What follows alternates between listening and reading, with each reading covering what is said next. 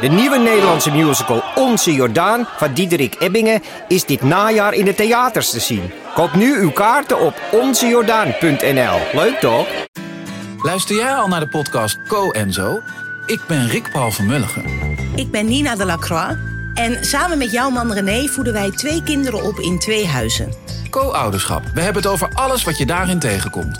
Maar ook over de juice tijdens onze kinderloze dagen, want die heb je ook in het co-ouderschap. Een podcast voor alle ouders in alle vormen, maar ook voor alle mensen zonder kinderen. Zijn we eerlijk, heerlijk herkenbaar. Dus luister naar Co en Zo in je favoriete podcast-app.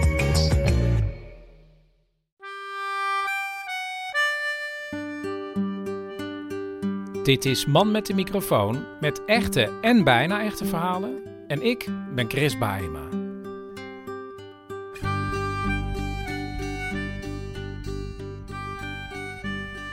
Het is kerst.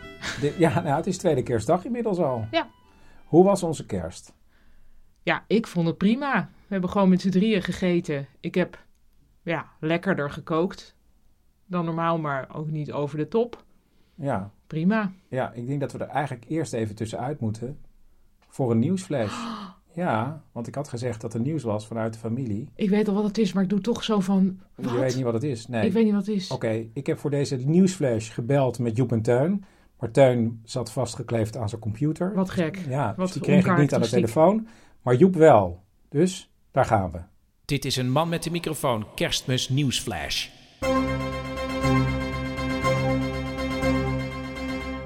Mijn moeder was ziek en die deed voor de zekerheid een coronatest, omdat, ze, omdat wij bijna naar jullie toe gingen. Dus dan is het handig als wij niet aan jullie corona gaan verspreiden. Eh, en toen bleek dat ze positief getest was, dus toen hebben we ook voor de zekerheid even een test gedaan. Eh en Teun's test is al terug en die heeft corona. En mijne duurt nog even, maar het duurt al best lang. Want er is een probleem bij de coronatestplek. Maar jij denkt dat je ook wel eh, positief getest wordt, denk ik dan. Ja, want ik was ook ziek.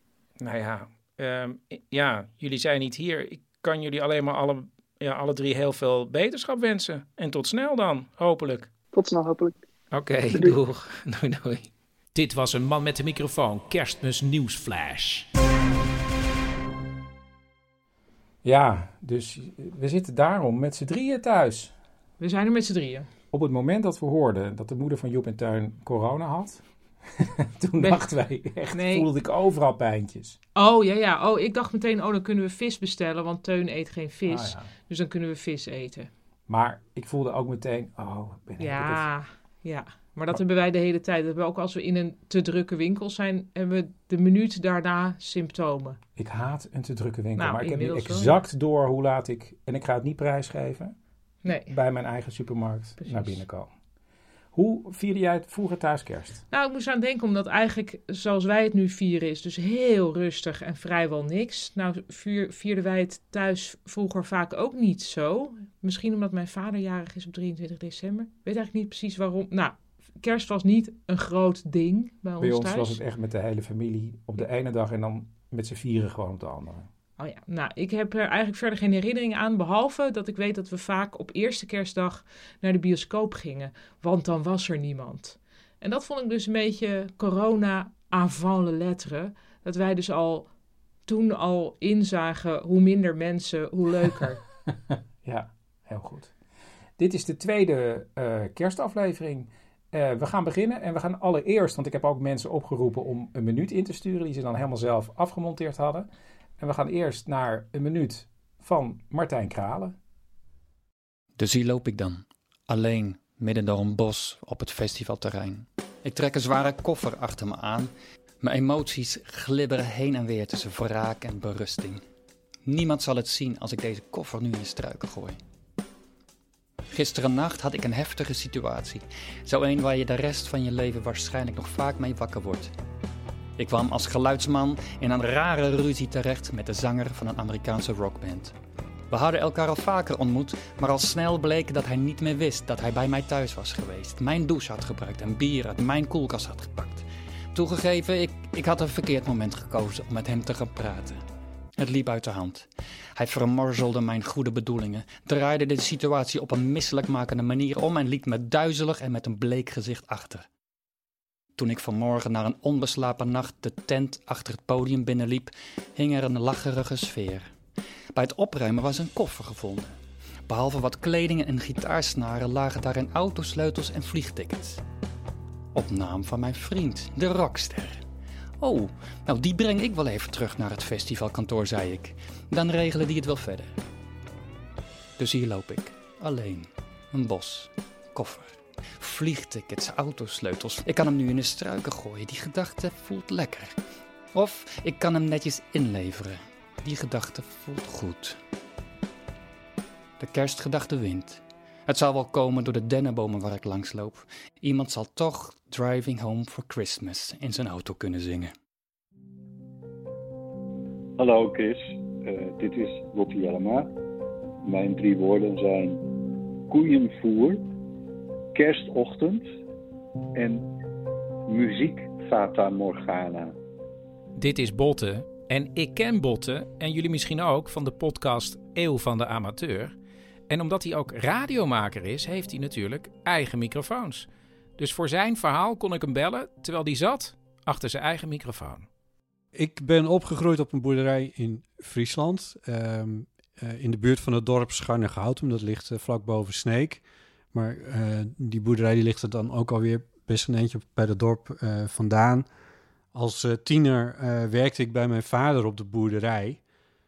wat onder andere inhield dat ik op zaterdagen en op zondagen, s ochtends en smiddags, de dieren voerde als mijn vader de koeien molk. En dan hielp ik hem nog met het schoonmaken van de, de, de melkstal en dat soort dingen. En koeien houden nooit vakantie. Dus ook met de, de kerst hield het in dat ik dan vroeg moest opstaan. En dus ging Botte op eerste kerstdag om half zes uit de veren om zijn vader te helpen. En hij ging de koeien voeren. En dat betekende ook dat hij ingekuild mais moest openmaken wat naast de schuur lag. Je weet wel, onder dat zwarte plastic. En het openmaken van die kuibult, dat was eigenlijk best wel een rotklusje. Uh, want um, dat ligt dicht met, uh, uh, met oude autobanden en met zandzakken. En zowel in die banden als in, het, in die zandzakken zit ook heel veel water en zo. Dus je wordt altijd nat van. En het is koud, zeker in december. En deze keer was het ook nog eens een keer zo dat het gevroren had. Wat betekende dat die zandzakken veranderd waren in een soort ja, ijsklonten. En nou ja, de manier waarop ik het vertel, merk je wel dat ik niet een leuke ochtend had die ochtend. Maar het was wel heel erg mooi weer. Het was kraakhelder. Het was echt zo'n hele stille ochtend. Het was, het was, de hele wereld was nog muisstil. En voor mijn gevoel waren mijn vader en ik zo ongeveer de enige op de hele wereld die wakker waren. Nou, en terwijl ik daarmee bezig was om die kuilbult open te maken, eh, keek ik eventjes op van mijn werk, omdat ik ergens op een of andere manier in de verte een soort trompetje hoorde.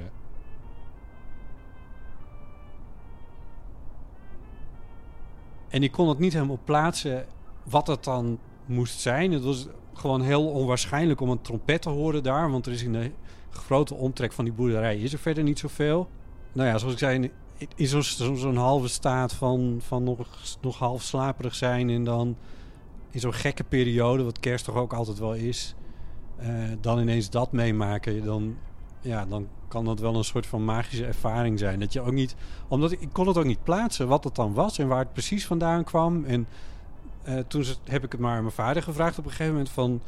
Ik denk dat ik een trompet uit de kerktoren hoorde. En hij zei van ja, dat is niet zo waarschijnlijk. Dat, dat, je zal het je wel verbeeld hebben. En dat is eigenlijk altijd zo gebleven. Ik heb dit onthouden. Ik heb dit altijd onthouden dat, dit, dat ik dit gehoord heb. Maar dat het niet ja, erkend werd dat dit aan de hand was of zo. Of ja, dat ik me dat dan verbeeld had of weet ik veel. En al die jaren daarna is het voor Botten een magische herinnering gebleven. Dus dat, er was niks logisch aan eigenlijk. En dat heb ik dus jaren gedacht. En toen heb ik onlangs heb ik mijn vader maar eens opgebeld van... Wat, wat kan dat dan zijn uh, geweest? Toen vertelde hij iets wat hij mij uh, eerder eh, toen ik tiener was, niet heb verteld. Namelijk dat er een traditie is in dat dorp. waarbij leden van het korps in kleine groepjes, ochtends vroeg op eerste kerstdag, rondgaan om hier en daar in het dorp kerstliederen te spelen. Nou, normaal hoor je dat ook helemaal niet op die boerderij, want daarvoor is het te ver weg. Maar als het van het kraakheldere en helemaal stille weer is en ze spelen aan onze kant van dat dorp, dan kan het wel. En omdat ik toevallig op dat moment net buiten was, aan de goede kant van de boerderij, aan de kant van, eh, van het dorp, heb ik dat waarschijnlijk toen gehoord.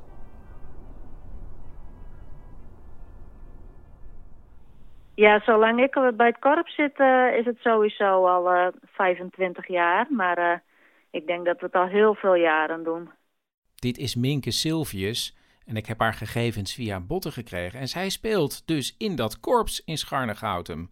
En ja, het leek mij zo leuk om ja, opnames te maken dit jaar. Maar ja, Ja, nou ja, dit jaar mag het eigenlijk niet. Want eh, ja, vanwege de coronamaatregelen mogen we nu niet met het korps door het dorp. Maar eh, toen had ik iets bedacht. Ik zei van, eh, mijn man die speelt trompet, mijn zoon speelt trompet, ik speel trombone. Ik zei, we kunnen het wel als huishouden doen. En dus zijn er nu toch opnames van eerste kerstdag 2020 in Scharnegoutem. Dankzij de speciale verslaggever al daar, Minke Silvius. Het is bijna half zeven, eh, eerste kerstdachtend. Normaal gesproken dan eh, gaan we met het korps door het dorp om kerstliedjes te spelen. Vanwege de coronatijd eh, is dat nu niet mogelijk. Wat we wel doen is als gezin door het dorp. Ook mijn zus gaat met haar gezin door het dorp spelen. Zijn, zij zijn met z'n drieën, wij zijn met z'n drieën. En dan zoeken we straks een lantaarnpaal elk op. En dan eh, gaan we kerstliedjes spelen door het dorp.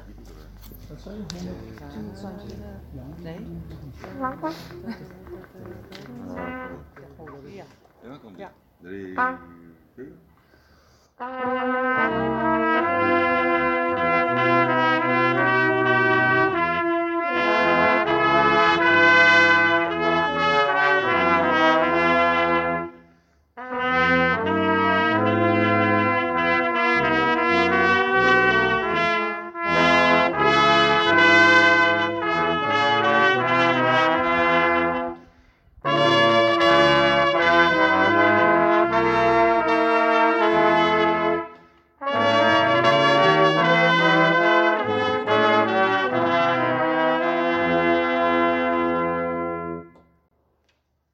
Was eh, kerst 1976. Dit is Frederik. En hoe oud was ze in 1976? Ik was vier jaar en ik was een heel lief meisje. Echt, ik was met iedereen begaan. En ehm, wij woonden op Curaçao en we woonden daar in een huis met mijn opa en met mijn tante, want we zouden er maar tijdelijk wonen voor mijn vaders werk. En wa- wat deed je vader precies? Hij, was, eh, hij was marinier. Oké. Dus dan word je uitgezonden naar de West, zoals dat heet. En eh, we waren daar en eh, kerst wordt daar echt heel groot gevierd. Het is een groot eh, gelovig land. En ja, mijn moeder die was bezig met mijn tante om een heel groot kerstdiner te bereiden. Maar ja, je moet er natuurlijk ook hartstikke mooi uitzien. Dus in de keuken lag alles overhoop voor het kerstdiner. Maar eh, in de woonkamer, op de tafel lag daar, stonden twee naaimachines. En eh, om allerlei eh, jurken te maken. En nou, allemaal mooie kerstoutfits. En mijn vader had dan de taak om samen met mij en mijn zus, eh, die twee jaar ouder was, dan de kerstboom te versieren. En eh, nou, dat nam hij heel serieus. Dus eh, er was een kerstboom en er kwam ook echt sneeuw in. Nou, dat is natuurlijk best wel bijzonder op Curaçao. Maar er kwam sneeuw in en eh, er was ook een kerststalletje. En, en dat kerststalletje, daar kwam ook echt mos bij. Dat was meegenomen uit Nederland. En nou, dat kerststalletje vond ik zo bijzonder. En eh, dat, dat vond ik altijd al als kind heel bijzonder. En daar waren we heel zuinig op. En dan ging de hele wereld over, want we hebben nog in meer landen gewoond. Maar elke keer ging dat kerststalletje ook mee. De kerststal wordt opgezet. Er wordt nog wat gewerkt aan de jurken voor kerst. En dan gaan de volwassenen zich storten op het eten. En op een gegeven moment ehm, klonk er een ijselijke gil. En eh, wat wat zei mijn tante, en mijn tante die was toen ongeveer twintig. Er heeft iemand een gat in mijn jurk geknipt. Chris, ja. Er heeft iemand een gat in een jurk geknipt. Ja? Muziek? Oh, sorry. Dankjewel. De tante zei: Er is een gat in mijn jurk geknipt. En wat zeiden de andere volwassenen? Nee, dat kan niet. Je hebt een fout gemaakt met het patroon. En waarom geef je nou anderen de schuld? En wat doe je nou? Nee, ik heb me gehouden aan het patroon. En er zit gewoon een gat midden voor op de jurk. Nou, iedereen in rep en roer, iedereen werd uitgescholden. Nou, er was natuurlijk totaal geen vrede op aarde, want er was totale oorlog en chaos. En uh, op een gegeven moment uh, keek mijn vader in het kribje. En daar zag hij kinderke Jezus liggen. Onder een stofje van de jurk. En uh, nou, dus hij moest natuurlijk wel heel hard lachen. Maar hij dacht van ja, dit bewijsmateriaal moet ik hier laten liggen. En ik ga op zoek naar de dader. Ja, die man was marinier. Uh, die ging op een missie. Precies. Hij had nog niemand iets verteld. Want hij dacht, ja, ik moet eerst onderzoeken wie dit heeft gedaan voordat ik dit met iedereen deel. Precies. Zo'n marinier gaat het hele huis uitkomen. Ja, heel professioneel. En uh, daar vond hij dus mij hevig huilend op mijn bed zittend.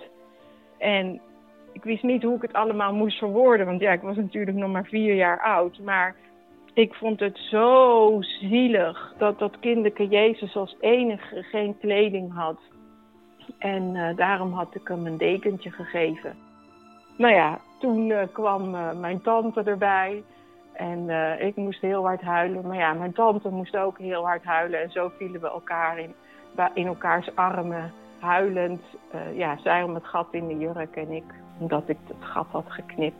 Maar het is toch nog goed gekomen.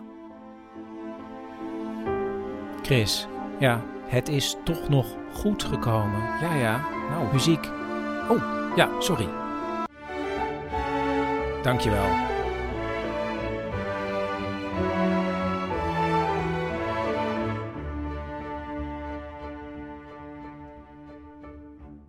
Dit is de minuut van Kees Denik, getiteld Krooswijk.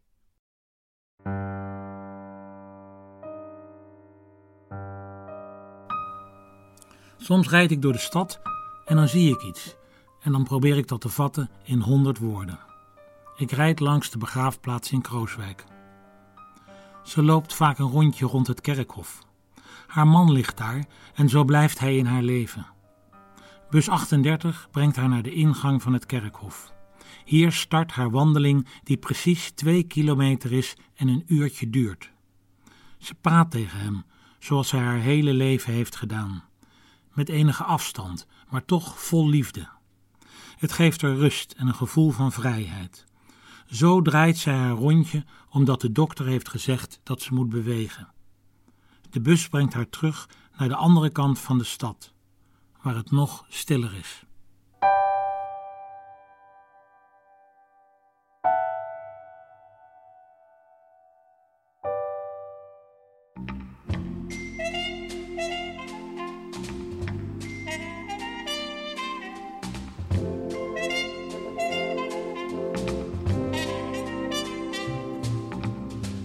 Watch out, you better not cry, you better not bow. I'm telling you why. Santa Claus is coming to town. He's making a list, checking it twice. Gonna find out who's naughty or nice.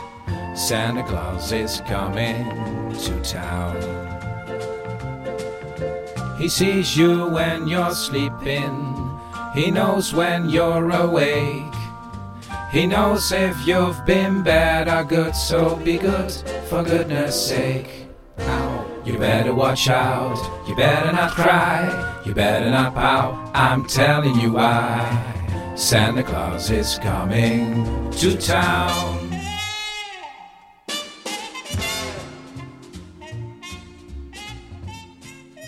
Nou, het was in, in, in 1995. Ik had toen uh, een relatie met een uh, Irakees. En uh, het belangrijk is dat hij had toen een vluchtelingenstatus.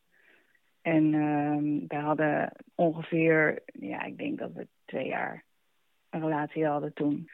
Hij had familie in, in, in de Arabische Emiraten, hij had familie in Zweden. En die had hij dus allemaal al heel lang niet gezien. We hadden één keer zijn zus en gezin gezien. Die hadden twee dagen in Nederland verbleven. Dus zijn zus met gezin. Maar het was ook wel heel raar, want nou ja, ik sprak natuurlijk geen Arabisch. En uh, zij spraken allemaal Arabisch met elkaar. En uh, dus echt leren kennen had ik ze niet. Omdat de vriend van Ellen in 1995 een vluchtelingenstatus kreeg, mocht hij in principe met een visum naar de Arabische Emiraten afreizen. En dus besloten ze een bezoek te brengen aan zijn zus en haar familie. En we verheugden ons er enorm op. En ik dacht, nou ja, ik heb ze één keer gezien, maar ja, uh, het, het, het komt vast goed. Dus uiteindelijk zaten we in, de, in het vliegtuig met alle spullen en uh, kwamen we aan. En ja, dan moet je, net als hier, je moet dan door de paspoortcontrole en zo. En vlak voor we daar waren, zei hij van ja, nou ja, ik weet het niet, maar stel nou voor dat ze me tegenhouden, dan loop jij gewoon door. En ik zei, nou, dan loop ik gewoon door. Natuurlijk niet, we zijn samen, we gaan meer. Dan wacht ik ook. En dan uh, ben ik, uh, nee, nee, nee, jij loopt door en ik, hier is de tas met cadeautjes. En ik wil ook niet dat je omkijkt, loop gewoon door, het komt goed. Kijk, ik, heb een, ik had toen in ieder geval en een eindeloos vertrouwen in politie en in overheid. En dat had hij niet. En het was echt, ik denk, vier minuten later dat het daadwerkelijk ook gebeurde dat ze hem tegenhielden. En dus krijgt Ellen alle cadeaus voor zijn familie overhandigd en loopt ze alleen verder. En uh, dus ik door al die gangen met uh, officials die me aanstaarden en waarvan ik dacht, ja, ik zie er nu waarschijnlijk heel raar uit. En natuurlijk de angst van, ja, uh, ze staan toch wel straks bij de uitgang. heb ik genoeg geld bij me eigenlijk? Um, hoe ga ik dit doen als er niemand staat? Nou, ik kom bij de uitgang en daar zie ik inderdaad zijn zus staan en gezin. En die waren heel, heel blij om me te zien. En die, nou, ik moest natuurlijk meteen vertellen waar mijn partner was, dus dat vertellen. En nou, die werden heel bezorgd. En de man des huizes was, dus dat, dat was zeg maar mijn toenmalige zwager. Die ging meteen drukbellend en regelend uh, weg en uh, kijken of hij officials kon spreken. En uh, nou goed, dat duurde, dat duurde. En na een hele tijd krijgen ze het beslissende telefoontje. Ja, hij werd gewoon geweigerd. De visum werd niet geaccepteerd en hij moest met het volgende vliegtuig terug.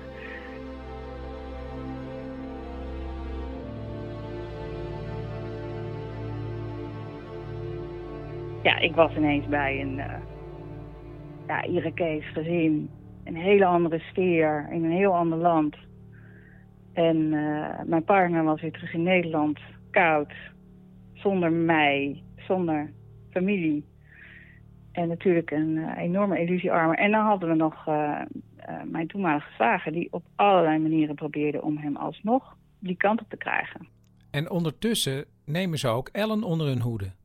In die week heb ik die familie leren kennen en dat was fantastisch. Die waren heel warm en heel gastvrij. Ik heb heel veel kanten van de Emiraten gezien. Ze gaan naar dure winkelcentra, zodat ze kerstversiering kan zien. En nemen haar mee uit eten. Ze namen je op sleeptouw. Ja, ik, ik heb een dierentuin gezien. En we hebben heel veel gekookt. Dus Arabisch gekookt. Ze gingen speciaal voor mij naar een strand. Waar westerse vrouwen mochten zwemmen er stond zijn zus dus daar met, uh, en, en, en oudste kinderen allemaal met, uh, met hoofddoeken en zo. En, uh, en ging ik zwemmen. Het is allemaal van die bizarre situaties. Daarom kan ik me dat zo goed herinneren. En het was tegelijkertijd heel... Kijk, na een week en we elkaar hadden wij het gevoel heel goed. Het is ook nooit meer stuk gegaan. Ja, je hebt zo'n intense tijd beleefd. En uh, we hebben samen gebeden, terwijl ik dus helemaal niet van het bidden ben. Maar ik, we hebben echt wel... Maar jullie baden dat, dat jouw vriend alsnog zou kunnen komen? Ja, ja. En dat, daar was ik ook echt wel heel erg bij betrokken. Dus niet dat ik dat deed om hun een plezier te doen. Ik had echt zoiets van, ja, dit moet gewoon gebeuren. Dit moet gewoon goed gaan. Ze krijgen het bericht dat het visum in principe in orde is... en gaan het nog een keer proberen. mijn toenmalige zwager is het uiteindelijk gelukt om een ticket te boeken. Die natuurlijk hartstikke duur was in die tijd. Want vlak voor kerst nog een ticket boeken. Sowieso is al, eh, heel duur, maar ook eh, destijds naar de Emiraten. En een visum te regelen. En, eh, en mijn toenmalige partner te overtuigen. Dat hij toch echt wel die kant op moest komen. Want die had er helemaal geen trek in. Hij was bang dat hij weer teruggestuurd zou worden naar Irak. Dus niet alleen maar naar Amsterdam, dat vertelde hij later. Maar hij was ook bang van ja, als ik daar nou voor de tweede keer aankom. Ja, wat, wat, wat doen ze dan? Hij twijfelt, maar hij komt. En uiteindelijk is hij eh, aangekomen en eh, ook weer met heel veel interviews. eh, ja, eerst tegengehouden, maar uiteindelijk mocht hij erdoor. Ja, dat was natuurlijk van waanzinnig. Dus dat was een hele bijzondere kerst.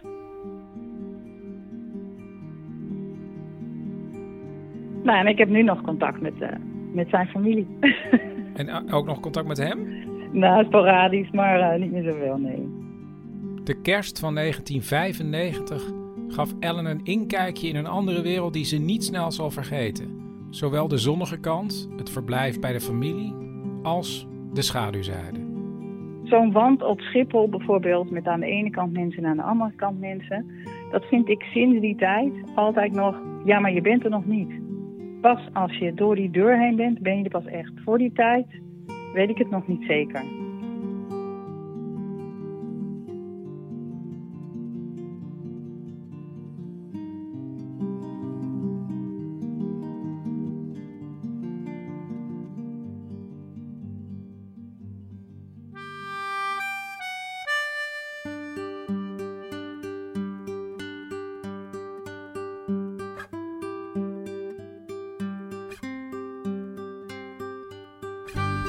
Dit was aflevering 45 van Man met de microfoon. Man met de microfoon wordt mede mogelijk gemaakt door Theater de Kleine Comedie in Amsterdam.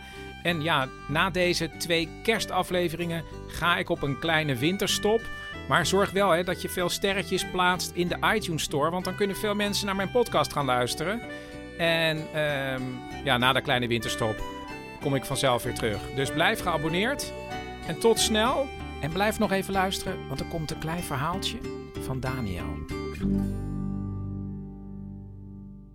Vroeger, toen ik, nou, ik denk dat ik 12 was of zo, wij vierden nooit heel erg kerst. Maar mijn vader had ooit een keer beloofd om het kerstavond het kerstdiner te verzorgen. Dus daar waren mijn moeder en ik helemaal van uitgegaan. Toen was het kerstavond en toen kwam mijn vader vrij laat thuis van werk. Wat bleek, hij was vergeten het kerstdiner te verzorgen. Maar dat wilde hij niet laten merken, dus hij flanste heel snel een fruitsalade in elkaar. Ehm, maar dat was het dan ook. Dus we hadden vooraf fruitsalade, als hoofdfruitsalade en als toetje fruitsalade. En dat zal ik nooit meer vergeten.